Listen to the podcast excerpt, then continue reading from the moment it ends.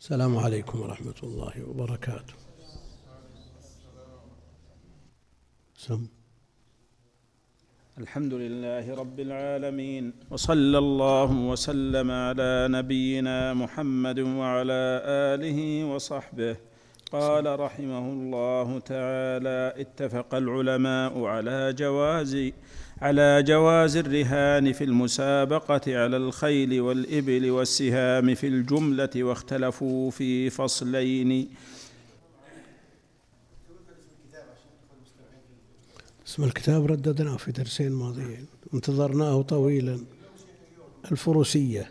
كتاب الفروسية لابن القيم رحمه الله. لأنه تقدم في كلام المؤلف أنه لا يجوز من من طرفين إلا إذا وجد محلل ثالث. نعم. واختلفوا في فصلين أحدهما في الباذل للرهن من هو الثاني في حكم عود الرهن إلى من يعمود فذهب الشافعي وأحمد وأبو حنيفة إلى أن الباذل للرهن يجوز أن يكون أن يكون أحد المتعاقدين ويجوز أن يكون كلاهما وأن يكون أجنبيا ثالثا إما الإمام وإما غيره. ولكن إن كان الرهن منهما لم يحل إلا بمحلل وهو ثالث يدخلانه بينهما ولا يخرج شيئا فإن سبقهما أخذ سبقهما وإن سبقاه معا أحرزا سبقهما ولم يغرم المحلل شيئا. وإن سبق المحلل مع أحدهما اشترك هو والسابق في سبقه ثم اختلفوا لكن ما الفائدة من وجود المحلل؟ هم؟ نعم. لأنه إذا كان سبق من الطرفين صار قمار. قمار لأن أحدهما يحوز السبق والثاني لا شيء له. يغرم بدون غن.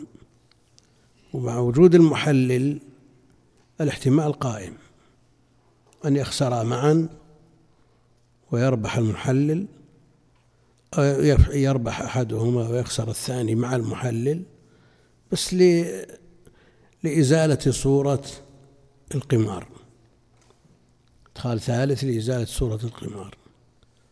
لكن لو وجد محلل في صور القمار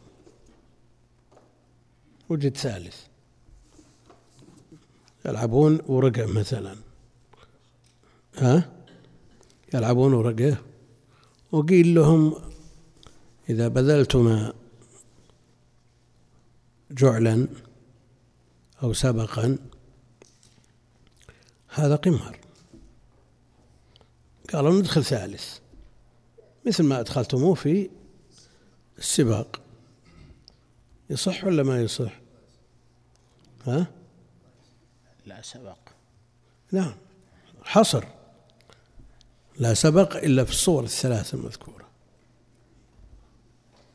نعم.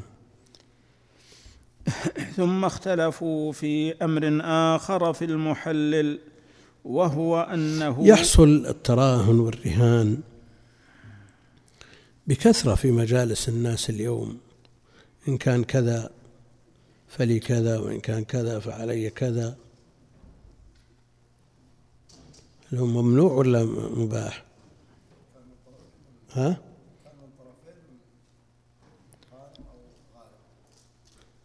يقول إن كان إن كان الأمر كذا فلكم علي تيس مثلا.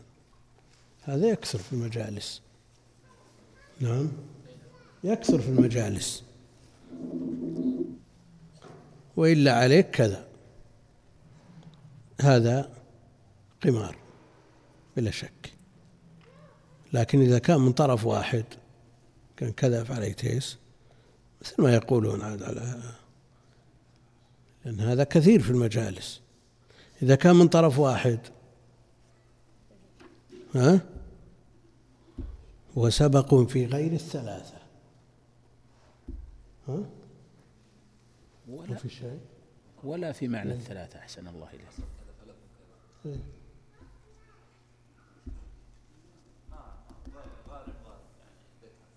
اي لكن في سبق من في غير الثلاثة المنصوص عليها. وليس في معناها أحسن الله إليك. وليس في معناها. يعني شيخ الإسلام حينما توسع وأدخل مسائل العلم في هذا بين أن العلم باب من أبواب الجهاد فلا يتوسع فيه بالطريقة التي يستعملها الناس.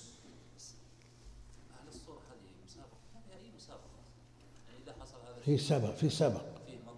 سبق سبق. هم مسابقة. في جعل نعم بعض المساجد بعض الدول خاصة في رمضان يسوي مسابقات رمضانية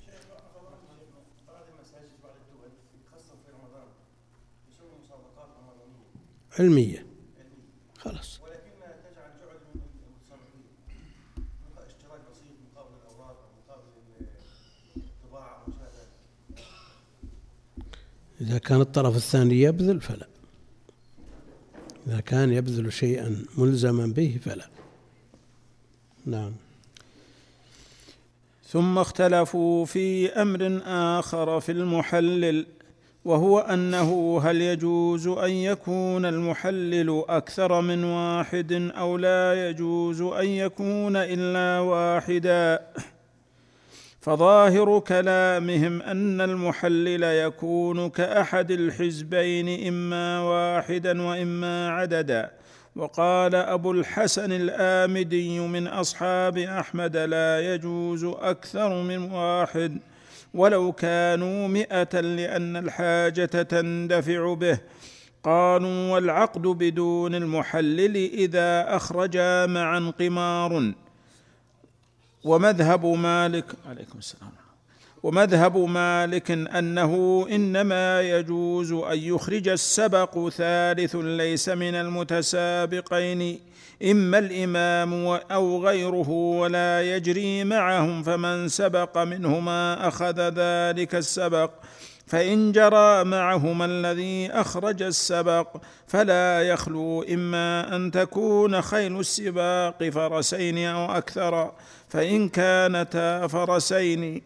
فسبق مخرج السبق فالسبق طعم لمن حضر ولا يأخذه السابق وإن كانت خيلا كثيرة وقد سبق مخرج السبق أعطي سبق أعطى سبقه للذي يليه وهو المصلي ولم يأخذه. وفقه ذلك أن سبقه معنى المصلي؟ الثاني. التالي للأول. ومنه سميت الصلاة لأنها ثانية أركان الإسلام. نعم. وفقه ذلك أن سبقه لا يعود إليه بحال سواء سبق أو سبق ولا يجوز عنده أن يخرجا معا لا بمحلل ولا بغير محلل ولا أن يخرج أحد المتسابقين. وقد روي عن مالك رواية ثانية جواز إخراج السبق منهما بمحلل كقول الثلاثة قال ابن عبد البر وهذا أجود قوليه وهو اختيار ابن المواز. قلت ولكن أصحابه على خلافه والمشهور عندهم ما حكيناه عنه أولا. والقول بالمحلل مذهب تلقاه الناس عن سعيد بن المسيب وأما الصح وأما الصحابة رضي الله عنهم فلا يحفظ عن أحد منهم قط أنه اشترط المحلل ولا راهن به مع كثرة تناضلهم ورهانهم بل المحفوظ عنهم خلافه كما ذكر عن أبي عبيدة بن الجراح رضي الله عنه وقال الجوزجاني الإمام في كتابه المترجم حدثنا حدثنا أبو صالح هو محبوب بن موسى الفراء. حدثنا أبو إسحاق هو الفزاري عن ابن عيينة عن عمرو بن ابن دينار قال قال رجل عند جابر بن زيد إن أصحاب محمد صلى الله عليه وسلم كانوا لا يرون بالدخيل بأسا فقال هم كانوا أعف من ذلك. والدخيل عندهم هو المحلل فنهاية ما نقل عنهم لم يكونوا يرون به بأسا. وفرق بين أن لا يرون به بأسا وبين أن يكون شرطا في صحة العقد وحله فهذا لا يعرف عن أحد منهم البتة. وقوله كانوا أعف من ذلك أي كانوا أعف من أن يدخلوا بينهم في الرهان دخيلا كالمستعار. ولهذا قال جابر بن زيد راوي هذه القصة إنه لا يحتاج المتراهنان إلى المحلل حكاه الجوزجاني وغيره عنه. فصل إذا عرفت مذاهب الناس في هذه المسألة فلنذكر حجج الفريقين ومأخذ المسألة من الجانبين وإلى المنصف التحاكم. وغيره لا يعبأ الله به ولا رسوله صلى الله عليه وسلم ولا أولو العلم شيئا. هذا طويل الشيخ أي نعم. ثم ذكر طويل. الأدلة. قال مجوزون للتراهن ثم رد على أدلتهم كلها. هذا يلخص في صفحة أدلة الفريقين. يلخص. لأن كلام ابن القيم طويل كعادته. كعادته. إذا تولى مسألة استوفاها رحمه الله. لكن استدل جواز التراهن من غير محل بأدلة طويلة. حقيقة أن من سمع ما كتب خلاص. نعم اقتنع به. إيه قوة حجة وقوة بيان وسعة اطلاع. وين؟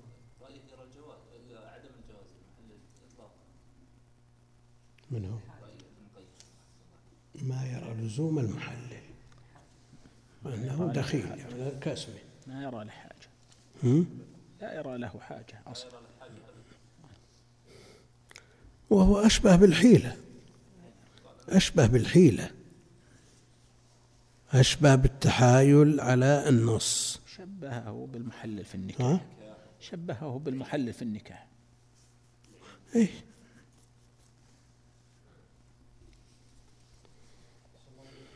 نعم.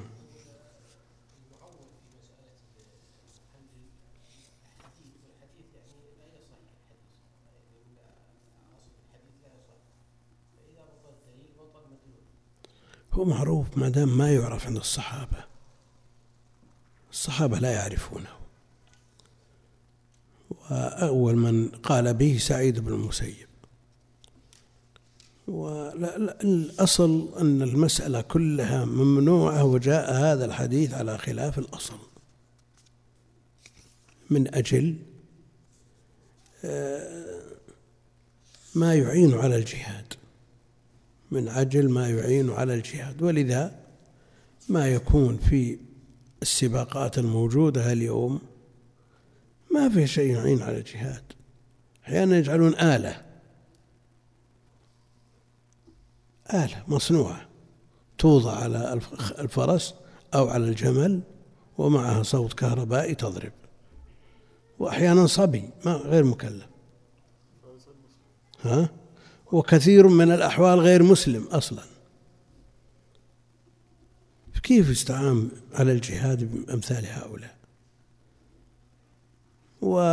والسباقات تنوعت وتعددت وصارت في أمور يعني سباق في الحمام وسباق في في ال- ال- الكورة وسباق في كل هذا سبق الله المستعان لكن يخفف الأمر أن السبق من غير المتسابقين. الله المستعان وإن كان أقرب إلى العبث لكن أبعد عن القمار إن شاء الله. ها؟ إيه يقول من طرف واحد يجوز في غير الثلاث ولا نقول في الثلاث غير ثلاث لا يجوز حتى الأمور بمقاصدها تسابقون على إيش؟ ولأي شيء.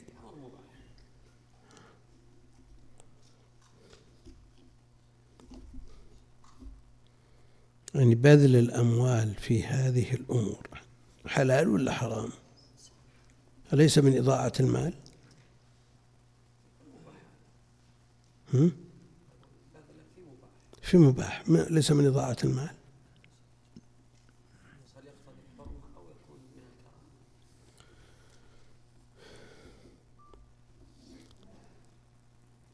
الله يصلح الأحوال. على كل حال مسألة تحتاج إلى إعادة نظر إعادة برمجة للحياة من جديد. لأن نعيش ترف قادنا إلى مثل هذه الأمور. فيه دليلان. ها؟ أو فيه دليلان من أجود ما استدل بهما ابن القيم رحمه الله. شو يقول؟ نقرأهما. اقرأ يقول رحمه الله وفي المس وفي مسند الإمام أحمد عن أبي لبيد لمازة بن زبار قال قلنا لأنس أكنتم تراهنون على عهد رسول الله صلى الله عليه وسلم؟ قال نعم لقد راهن رسول الله على صلى الله عليه وسلم على فرس يقال له سبحه فسبق الناس فهش لذلك وأعجبه. وهو حديث جيد الإسناد.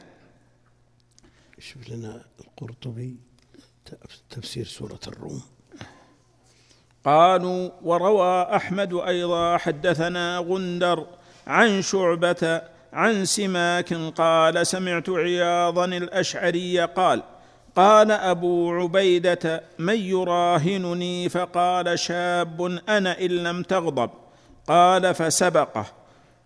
قال فرأيت عقيصتي أبي عبيدة تنقزان وهو على فرس خلفه عري. علق ابن القيم رحمه الله قال ولم يذكر محللا في هذا ولا في غيره. لا في قصة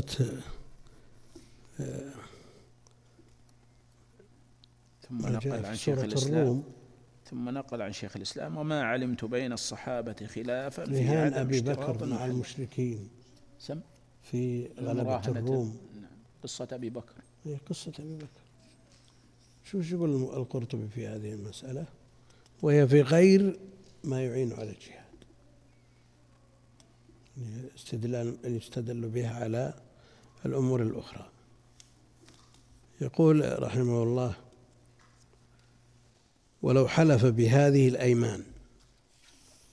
حلف بهذه الأيمان التي تقدم ذكرها اليمين المكفرة أن يحلف بالله عز وجل أو باسم من أسمائه أو بآية من القرآن أو بصدقة ملكه أو بالحج أو بالعهد أو بالخروج من الإسلام أو بتحريم مملوكه أو بشيء من ماله أو بنحر ولده أو يقول أقسم بالله وأشهد بالله وأعزم بالله وأمانة الله.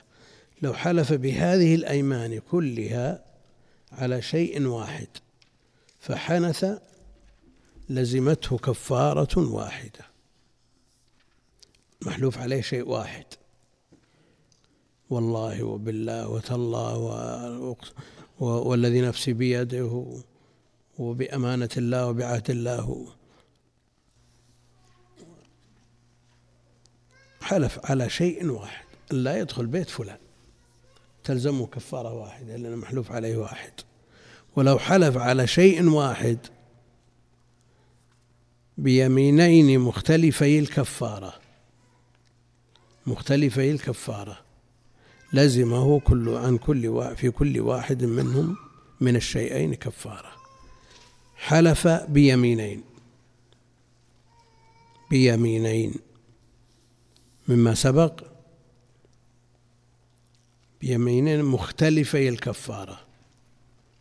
واحد كفارته كفارة يمين والثاني كفارته كفارة ظهار مثلا.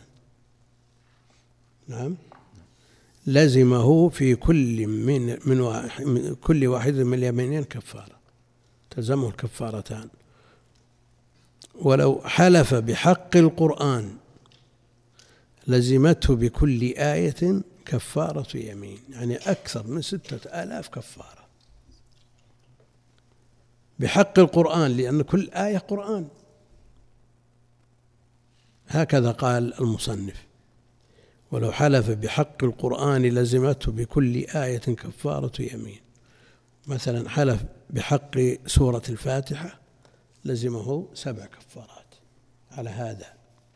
أو بحق سورة البقرة يلزمه بعدد آياتها مئتان وسبع وثمانون كفارة. وهكذا. هذا ما قدمه المؤلف. ها؟ وجه التفريق بين من حلف بحق القرآن ومن حلف بهذه الأشياء كلها على شيء واحد هناك جعل لك كفارة واحدة هنا كفر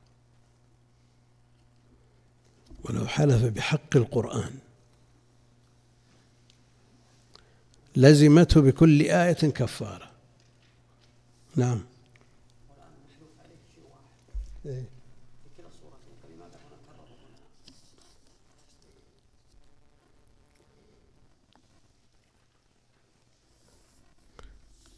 شو الفرق؟ ها؟ إيه لكن المحلوف عليه شيء واحد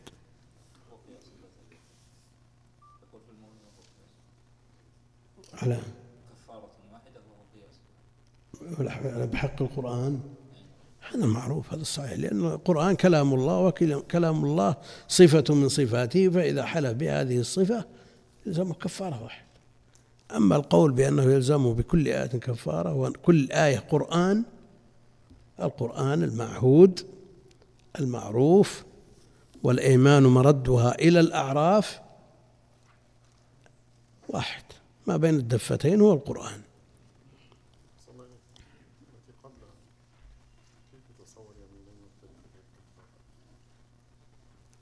مختلفة الكفارة ما في أيمان يقصد منها الحث والمنع. لا. لا لا لا. يلزمه عتق مثلا أو يلزمه ظهار أو يلزمه كذا. كفارة يمين عند من يقول بأن الطلاق إذا قصد من الحث والمنع كفارة يمين. هم؟ لا هو الكلام على المذهب. وين؟ هو ادخلها كلها. كلها باب واحد عنده.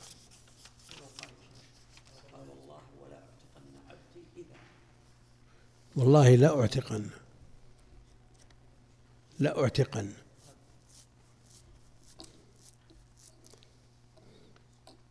المقصود إذا اختلفت الكفارة فبعدد هذه الكفارات. وقد روي عن عن أبي عبد الله رحمه الله في من حلف بنحر ولده روايتان. إحداهما كفارة يمين والأخرى يذبح كبشا. كما في قصة إبراهيم عليه السلام حينما رأى أن يذبح ولده إسماعيل. لحظة لحظة. يعني الأيمان من حلف أيمان متعددة. والداعي لها واحد. المحلوف عليه واحد. الناهز لها واحد. تتداخل ولا ما تتداخل ها؟ تداخل. وإن كان المحلوف عليه أكثر من واحد والباعث عليها أكثر من واحد فإنها حينئذ لا تتداخل. شوف الكتاب الصغير حق ابن سعدي. سم. ذكر في قاعدة التداخل. شوف المنديل. شوف المنديل. هذا هو. حاط الموقف. باب الأيمان والنذور. اي عندك مقطع. قال رحمه الله تعالى قوله ومن لزمته أيمان موجبها واحد قبل التكفير فعليه كفارة واحدة ولو, ولو على أفعال كقوله والله لا أكلت والله لا شربت والله لا أخذت ولا أعطيت. هذه إحدى الروايتين. والصحيح أن عليه كفارات بعدد الأفعال المتنوعة للعمومات. لأن من عليه كفارات ولم يكفر على المذهب تتداخل. كمن عليه حدود أو حد متكرر يعني زنى مرارا أو سرق مرارا يحد مرة واحدة. الآن بعض الناس يسأل يقول أنا والله من كلفت وأنا أحلف لا أسوي ولا أفعل. وعمره خمسين سنة أو ستين سنة. يقول أريد أن أكفر. بعض الناس يقول ما دام ما كفرت كفارة واحدة وتتداخل هذا على خلاف ما قرره المحققون من أهل العلم وأنها تتعدد بتعدد المحلوف عليه. وأنا لا تتداخل إذا كان المحلوف عليه واحد. كمل. والصحيح أن عليه كفارات بعدد الأفعال المتنوعة للعمومات الدالة على أن كل فعل محلوف عليه ففيه كفارة و ففيه كفارة وظاهر العموم يقتضي أن ذلك قبل التكفير وبعده وكما لو ظاهر من زوجاته لكلمات متعددة. والصحيح في جميع الكفارات أنه يكفي إطعام المساكين ولا يلزم تمليكهم كما هو ظاهر الكتاب والسنة. المسألة ثانية. والقول الجامع في جامع الأيمان الرجوع إلى نية الحالف ثم إلى سبب اليمين الذي هيجها. ثم إلى ما كان أقرب إلى مقصد الحال الجمهور على أن المرد في ذلك إلى نية الحالف. والمالكية يرون أن السبب ال- لا الجمهور على أن أن الباعث على اليمين هو المر- المرجع إليه. هو الذي يرجع إليه. والمالكية يرون أن النية هي المقدمة. أن النية هي المقدمة.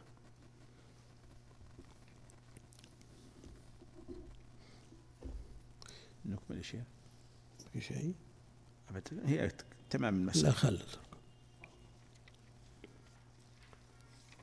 إحداهما كفارة يمين والأخرى يذبح كبشا. أيهما أرجح؟ ها؟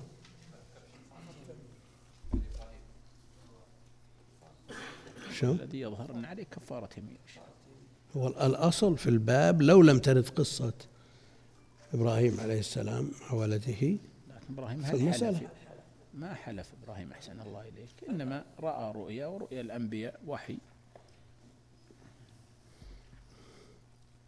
يقول قد روي عن أبي عبد الله في من حلف بنحر ولده روايتان إحداهما كفارة يمين والأخرى يذبح كبشا.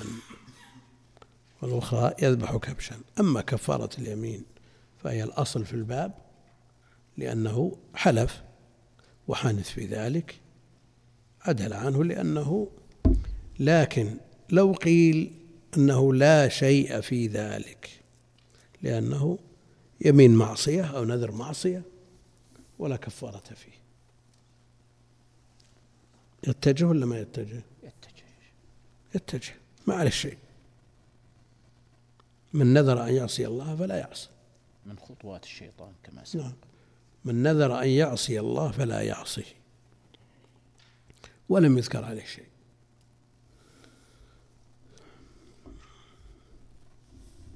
ومن حلف بتحريم زوجته لزمه ما يلزم المظاهر نوى الطلاق أو لم ينوه. من حلف بتحريم زوجته لزمه ما يلزم المظاهر نوى الطلاق أو لم ينوه وهذا هو المعروف في المذهب. لكن مطلع سورة التحريم يدل على أنه يمين. لما تحرم ما أحل الله لك؟ ثم قال قد فرض الله لكم تحل تحلة أيمانكم ف... حلف بتحريم وين؟ قال ومن حلف مثل الأولى من حلف أن ينحر صار الأمر على الحلف لكن لو قال هي حرام هي علي حرام أو حرام لهم التحريم. لماذا قالوا قال يلزم ما يلزم المظاهر إيه؟ لكن هل يلزم كفارة يمين أو كفارة ظهار؟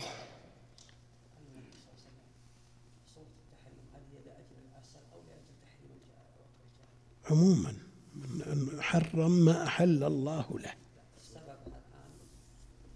وين؟ أيهما أشد لو حلف ولا حرم؟ حرم أشد من اليمين.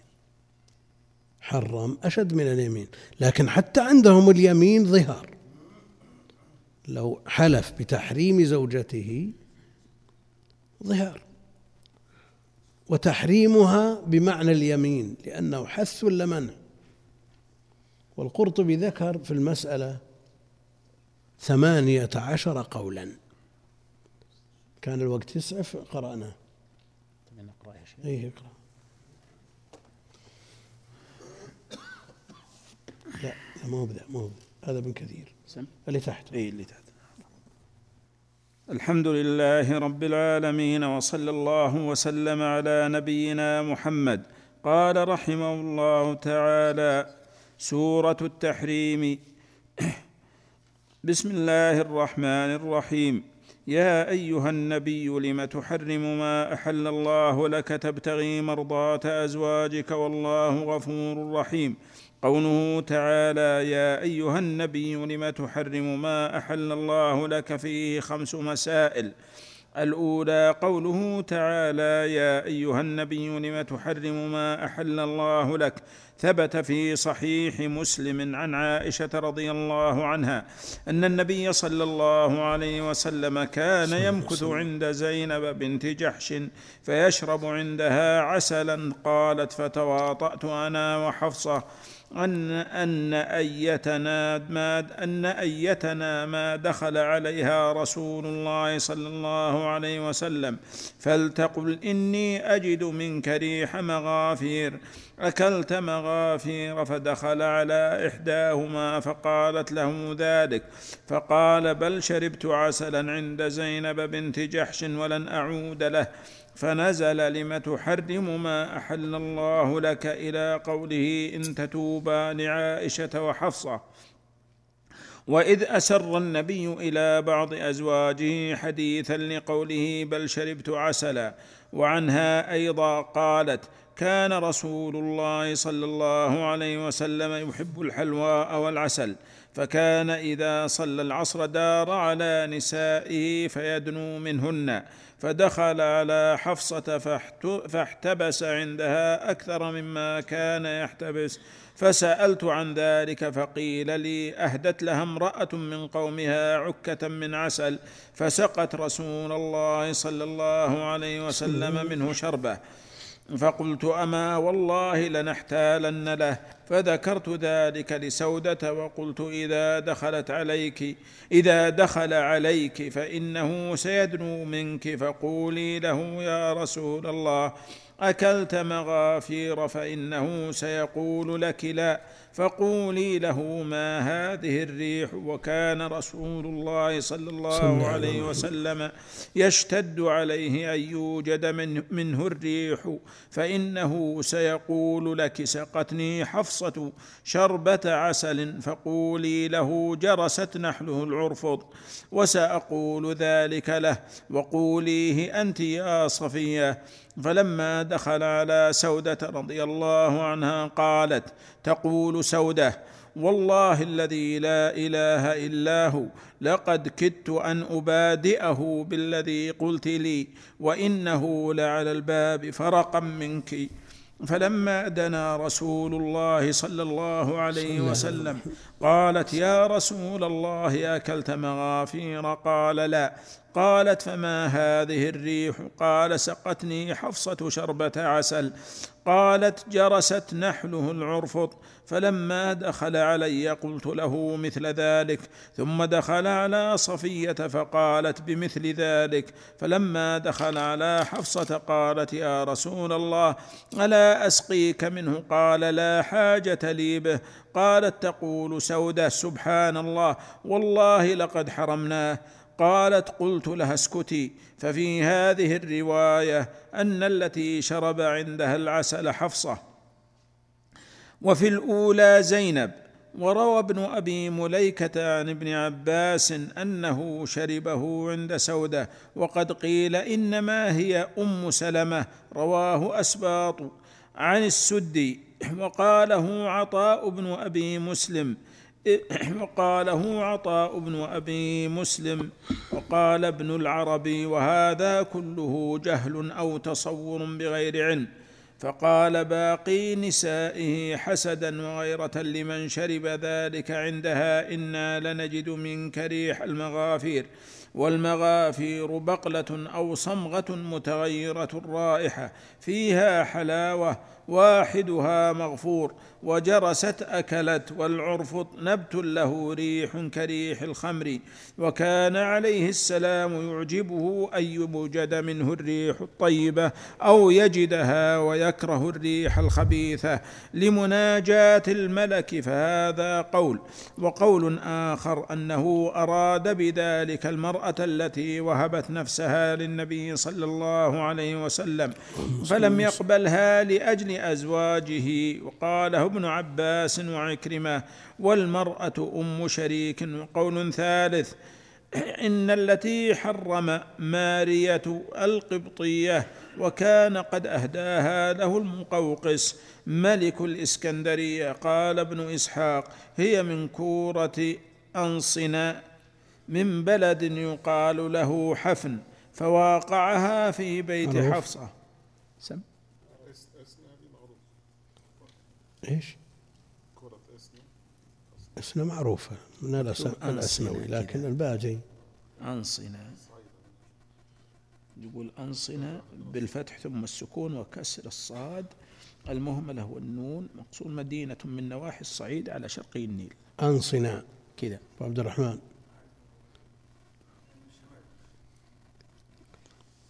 في كتاب في سبعة مجلدات في البلاد المصرية مجلدين في المندرسات. المندرسة. يمكن إذا بحث فيها في المندرس توجد. وفي البلدان الحالية الموجودة خمسة مجلدات.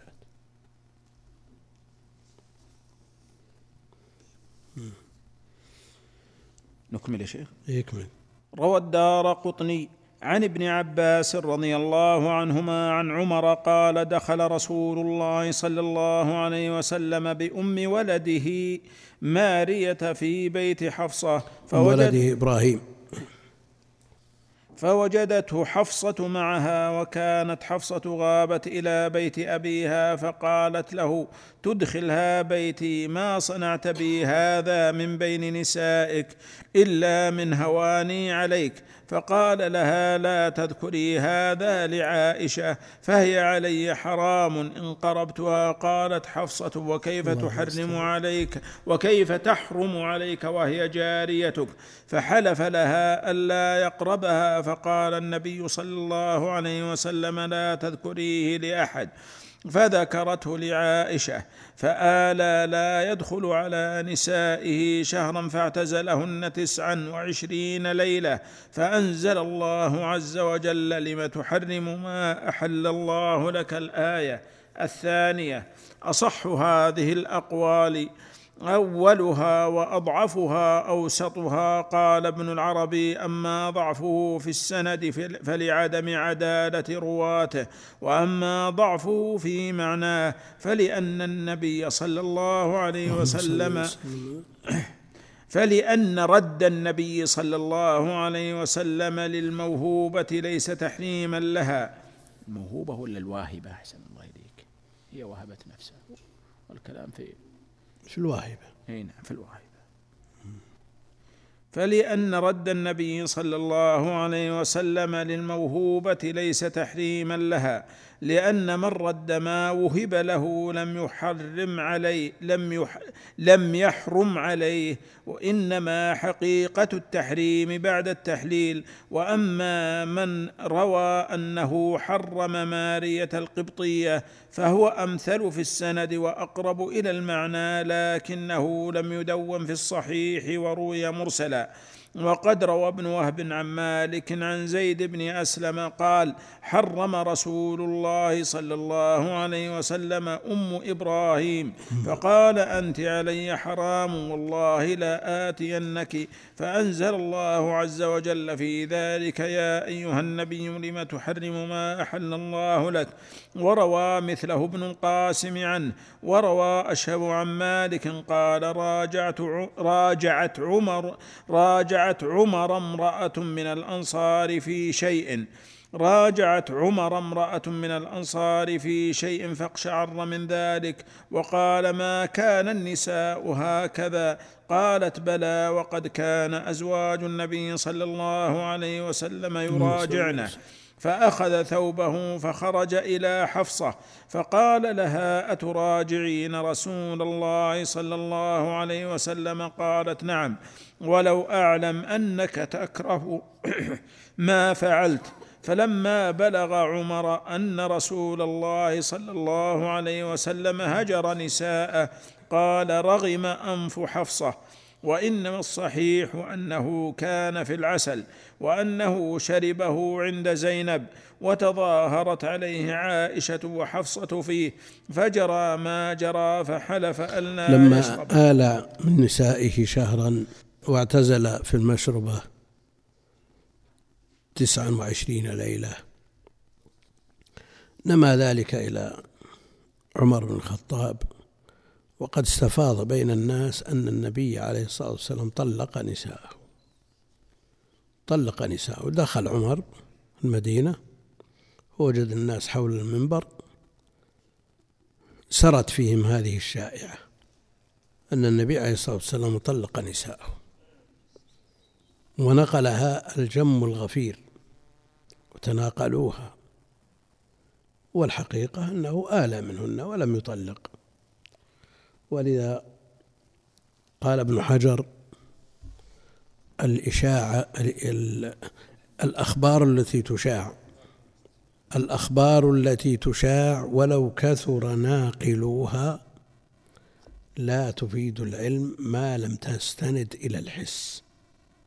يعني ما في كلام مسموع من الرسول عليه الصلاة والسلام ما في كلام مسموع. إنما أوهام توقع شخص بنى على مقدمات ورتب عليها نتائج وهذه المقدمات فيما يدعمها من الواقع وإن كان وإن كانت غير صحيحة. لأن بعض الناس يستروح تستروح نفسه صحة الخبر إذا وجد ما يطابقه أو يوافقه ولو كان ليس بدليل عليه. هؤلاء اجتمعوا والنبي صلى الله عليه وسلم القرينة أنه اعتزل. وافقت اعتزل واجتمعوا وشيع الخبر النبي توقع شخص أو أشخاص أن النبي عليه الصلاة والسلام طلق نساءه استنادا إلى اعتزاله لهن. فقالوا أنه طلق نساءه وتناقلوه وشاع في المدينة ولكنه لا يفيد العلم. لماذا؟ لأنه لم يستند إلى حس. ما في أحد سمع من النبي عليه الصلاة والسلام أنه قال طلقت نسائي. وهو المرجع في هذا ما في غيره. ها؟ قول الصحابة نهى النبي صلى الله عليه وسلم من كذا. إيه؟ قولهم الآن طلق النبي صلى الله عليه وسلم نساء. إيه لك خلاف الواقع هذا لا أنا أقصد هل هي تؤثر على رواية الصحابي أنه يقول نهى النبي صلى الله عليه وسلم لا. لا لأن نهى يستند إلى ما يفهم منه النهي. لكن هذا هو الواقع. هل هذا هو الواقع أنه طلق نساءه هم فهموا فهم. وفهم خاطئ مبني على ظن ومبني على قرينة. ما ما تصل ما ما تصل إلى أن تكون دليل ما يقال يا شيخ أن الإيلاء كان عندهم طلاق ف- فاعتبروه طلاقا بهذا المعنى الإله حلف لا يطأ فينظر يؤجل أربعة أشهر. للذين يؤلون من نسائهم تربص أربعة أشهر. عمر لما دخل قال أطلقت نعم. سم. قال رحمه الله تعالى الرابعة واختلف العلماء في الرجل يقول لزوجته أنت علي حرام على ثمانية عشر قولا. أحدها لا شيء عليه وبه قال الشعبي ومسروق وربيعة وأبو سلمة وأصبغ وهو عندهم كتحريم الماء والطعام. قال الله تعالى يا أيها الذين آمنوا لا تحرموا طيبات ما أحل الله لكم والزوجة من الطيبات ومما أحل الله. وقال تعالى ولا تقولوا لما تصف ألسنتكم الكذب.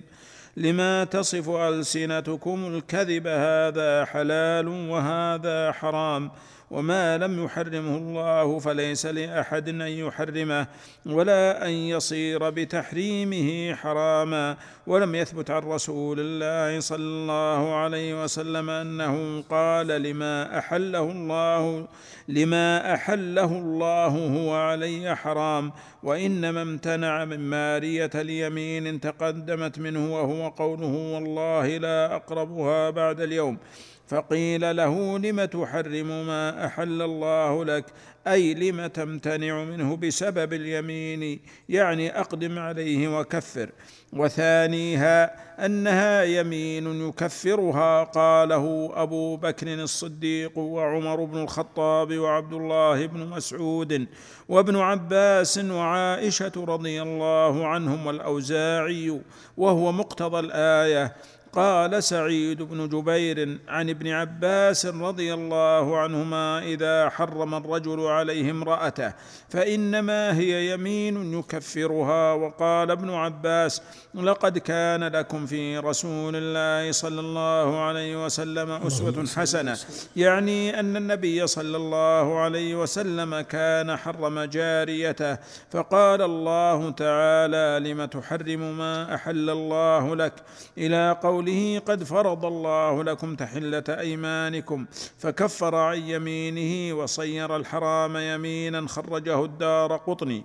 وثالثها أنها تجب فيها كفارة وليست بيمين.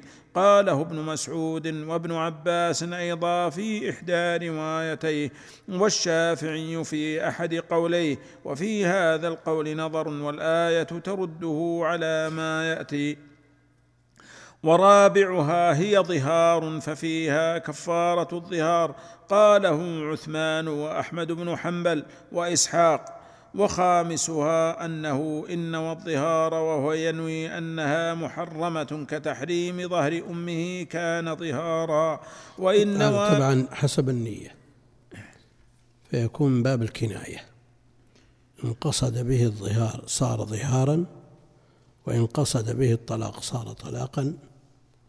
وإن لم يقصد شيئا فيمين. نعم. وإن نوى تحريم عينها عليه بغير طلاق تحريما مطلقا وجبت كفارة يمين.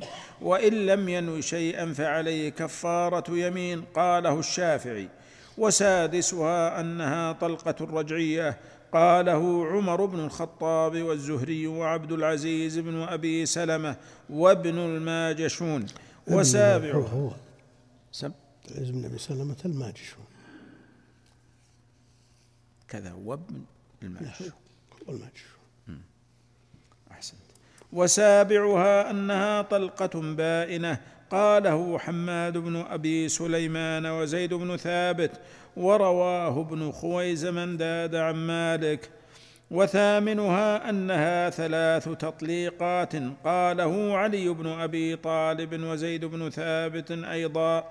وزيد بن ثابت أيضا وأبو هريرة وتاسعها هي في المدخول بها ثلاث وينوى في وينوي في غير المدخول بها قاله الحسن وعلي بن زيد والحكم وهو مشهور مذهب مالك وعاشرها هي ثلاث ولا ينوي بحال ولا في محل وإن لم يدخل. قاله عبد الملك في المبسوط وبه قال ابن أبي ليلى وحادي عشرها هي في التي لم يدخل أعد أعد مذهب مالك.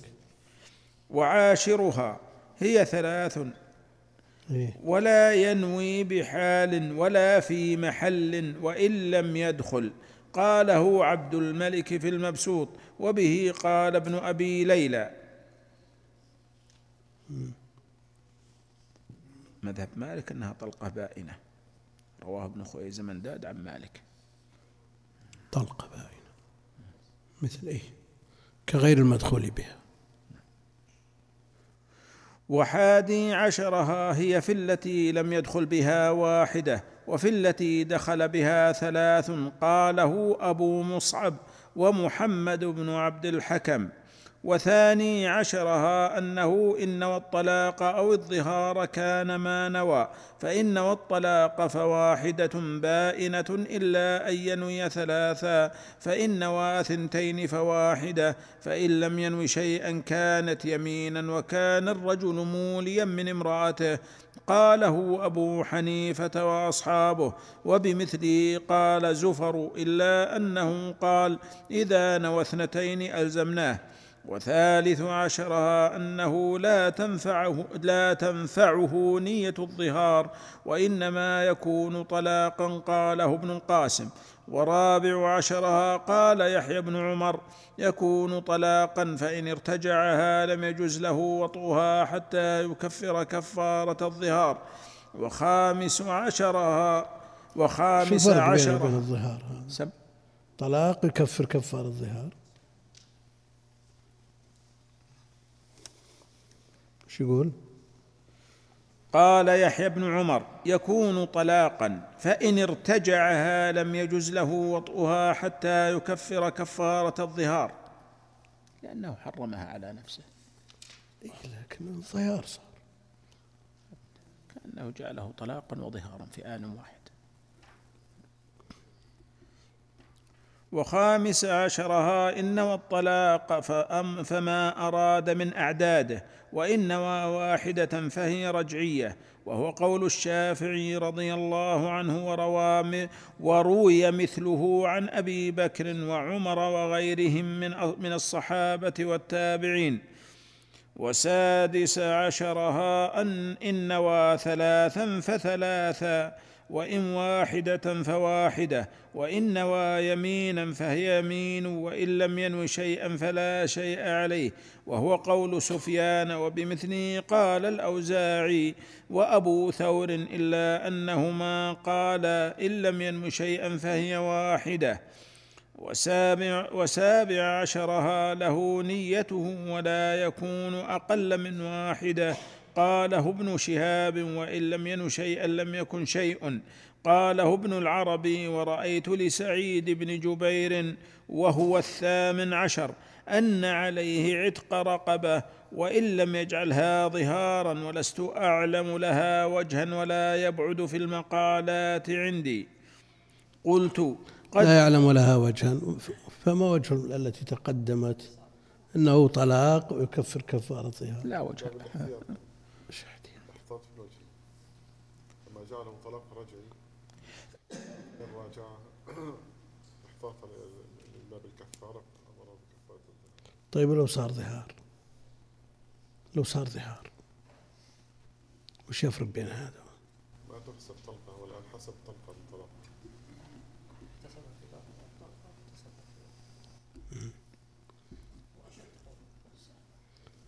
نعم.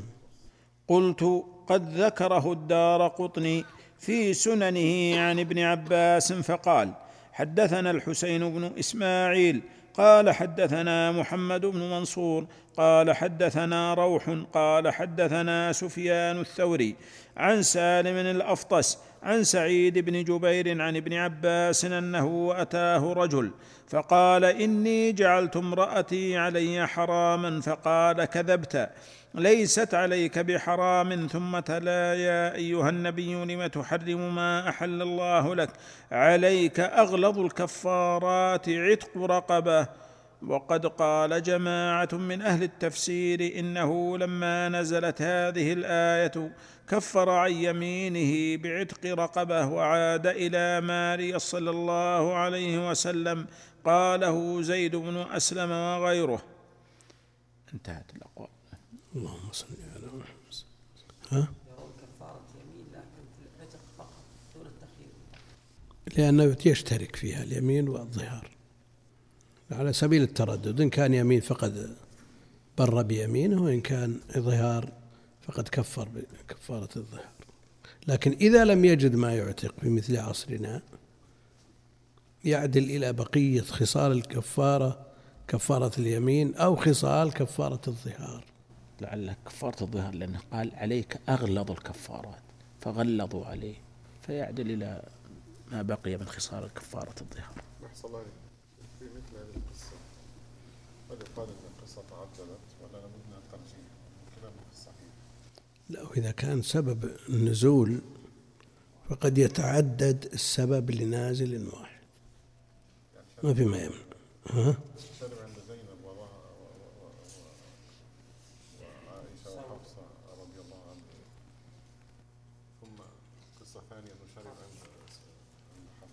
إيه قد يكون الاختلاف من أوهام الرواة.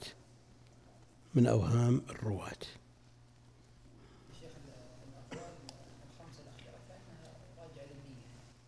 هو الأصل في ذلك النية. وإن هو ظهار فهو ظهار وإن هو طلاق فهو طلاق ويكون من باب الكناية وإن لم ينوي شيئا فهو يمين. وظاهر الآية يؤيد هذا. قد فرض الله لكم تحلة أيمانكم. قال ومن حلف بعتق ما يملك فحنث عتق عليه كل ما يملك. عتق عليه كل ما يملك. بعتق ما وما من صيغ العموم. ما يملك فحنث عتق عليه كل ما يملك من عبيده وإمائه ومدبريه وأمهات أولاده لأن كلها في أحكام العبيد. ومكاتبيه لأن المكاتب رق ما بقي عليه درهم. وشقص يملكه من مملوكه يعني له فيه شريك. ومن حلف حلف بعتق ما يملك. كلمة عتق تخصص عموم ما وتجعله في المماليك لا في جميع ما يملك. وشقص من شقص يملكه من مملوكه ومن حلف فهو مخير في الكفارة قبل الحنث أو بعده سواء كانت الكفارة صوما أو غيره مخير. يعني لا أحلف على يمين فأرى غيرها خيرا منها إلا كفرت عن يميني وأتيت الذي هو خير. وجاء في الأخرى إلا أتيت الذي هو خير وكفرت عن يميني والواو لا تقتضي الترتيب.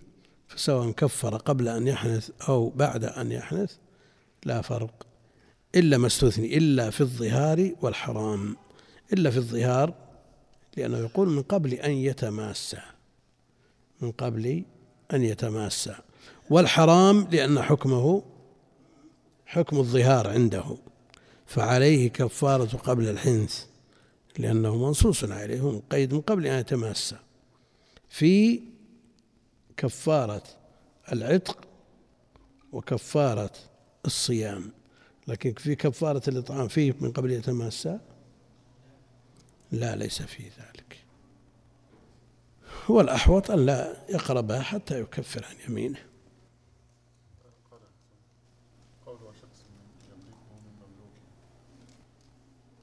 شخص يملكه أي في هذه الصورة يقال أن يعتق عليه بقية العبد إذا أعتق بعض مملوكه وعنده من المال ما يعتق به باقيه إذا كان من له شريك يلزمه أن يعتقه. وإذا لم يكن له مال فإن العبد يستسعى. أنا أقصد أن تدخل هذه الصورة أيضا هم؟ تدخل هذه الصورة وشقص يملكه من مملوكه. فيه يعني الآن هو ما أعتق ابتداء ولكن هو لما ألزم فيسري عليه. إيه لكن شلون شخص من مم يملكه من مملوكه؟ ويملك المملوك كامل. لكن لو حلف أو بعضه. لو حلف أو حلف بعتق شخص من مملوكه. ها؟ إذا حلف بعتق ربع هذا العبد وش اللي يلزمه؟ إيه؟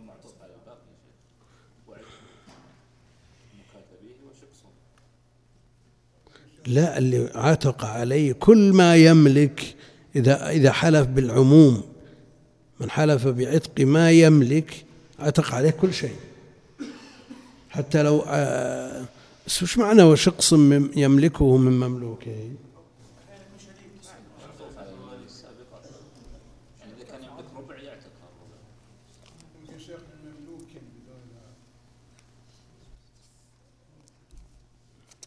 نعم إذا شخص يملكه من مملوك يعني له في شركاء فإن هذا الشخص يعتق عليه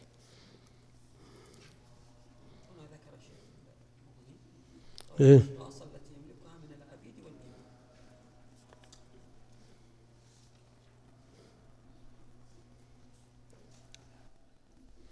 اللهم صل على محمد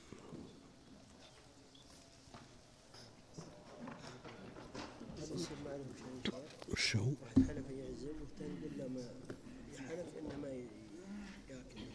ما يقولون يمين الإكرام لا حنث فيها يعني إذا حلف يصير ما في كفارة ما بك